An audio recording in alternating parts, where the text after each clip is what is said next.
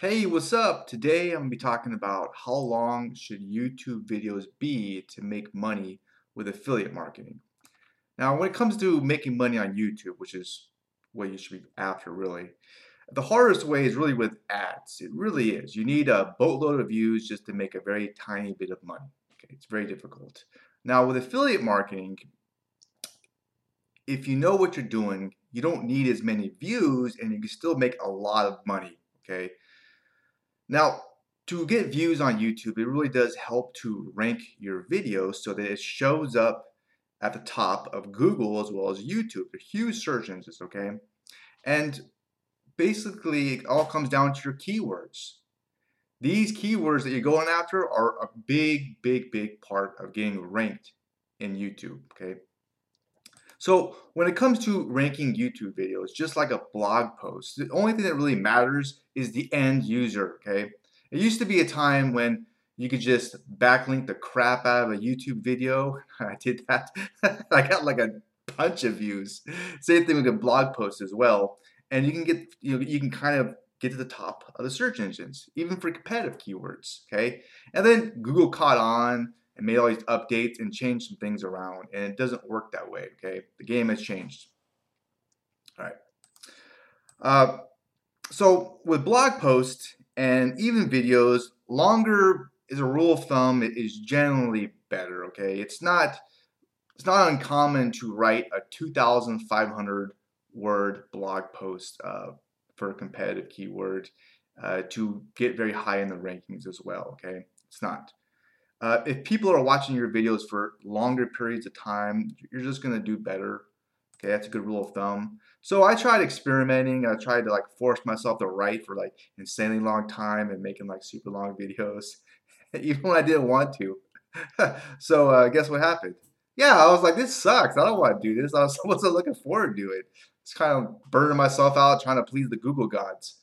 Um, so obviously your video has to have some meat to it. Uh, but you know it's it's kind of important if you're enjoying what you're doing and what you're talking about if you're just trying to force yourself to to just put stuff out there just to do it then you know i don't think that's a good idea okay? Now i kind of write for as long as i want and i kind of i do prefer it that way as well. And like i mentioned it comes down to keywords. So if you're going after keywords that are not very competitive at all then it's very easy to rank for these okay and, and get seen and get more traffic, which is what you should be after, right? All right.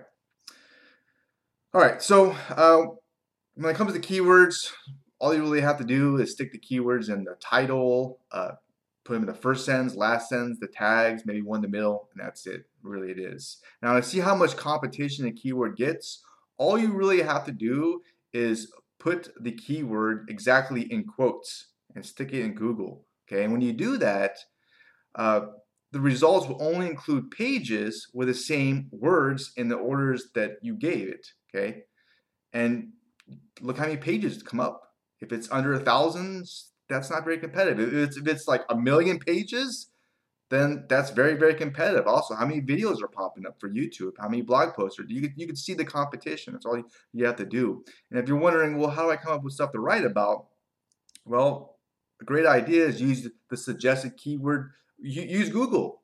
If you go to the very bottom, it tells you right there suggested other things you could you could type in, and you can keep going and going. That can give just give you more ideas on what you can create content about, write or create videos or whatever about. Another idea is these is use Google Keyword Planner.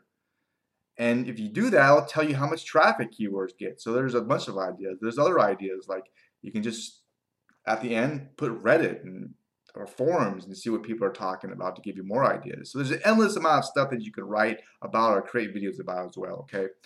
All right. So I hope you uh, got some value from this uh, this video or podcast on you know how long should YouTube videos be to make money with affiliate marketing. If you did, then uh, I appreciate a thumbs up. Okay, that would mean a lot to me.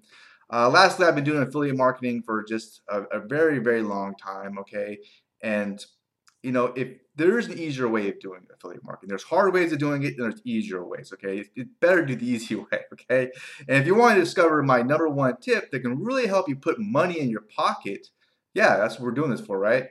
um, then just try, just click on that link below or go to my website at trustthelink.com. Okay. Uh, I wish you the best. Okay. Have a very fun rest of your day. Bye.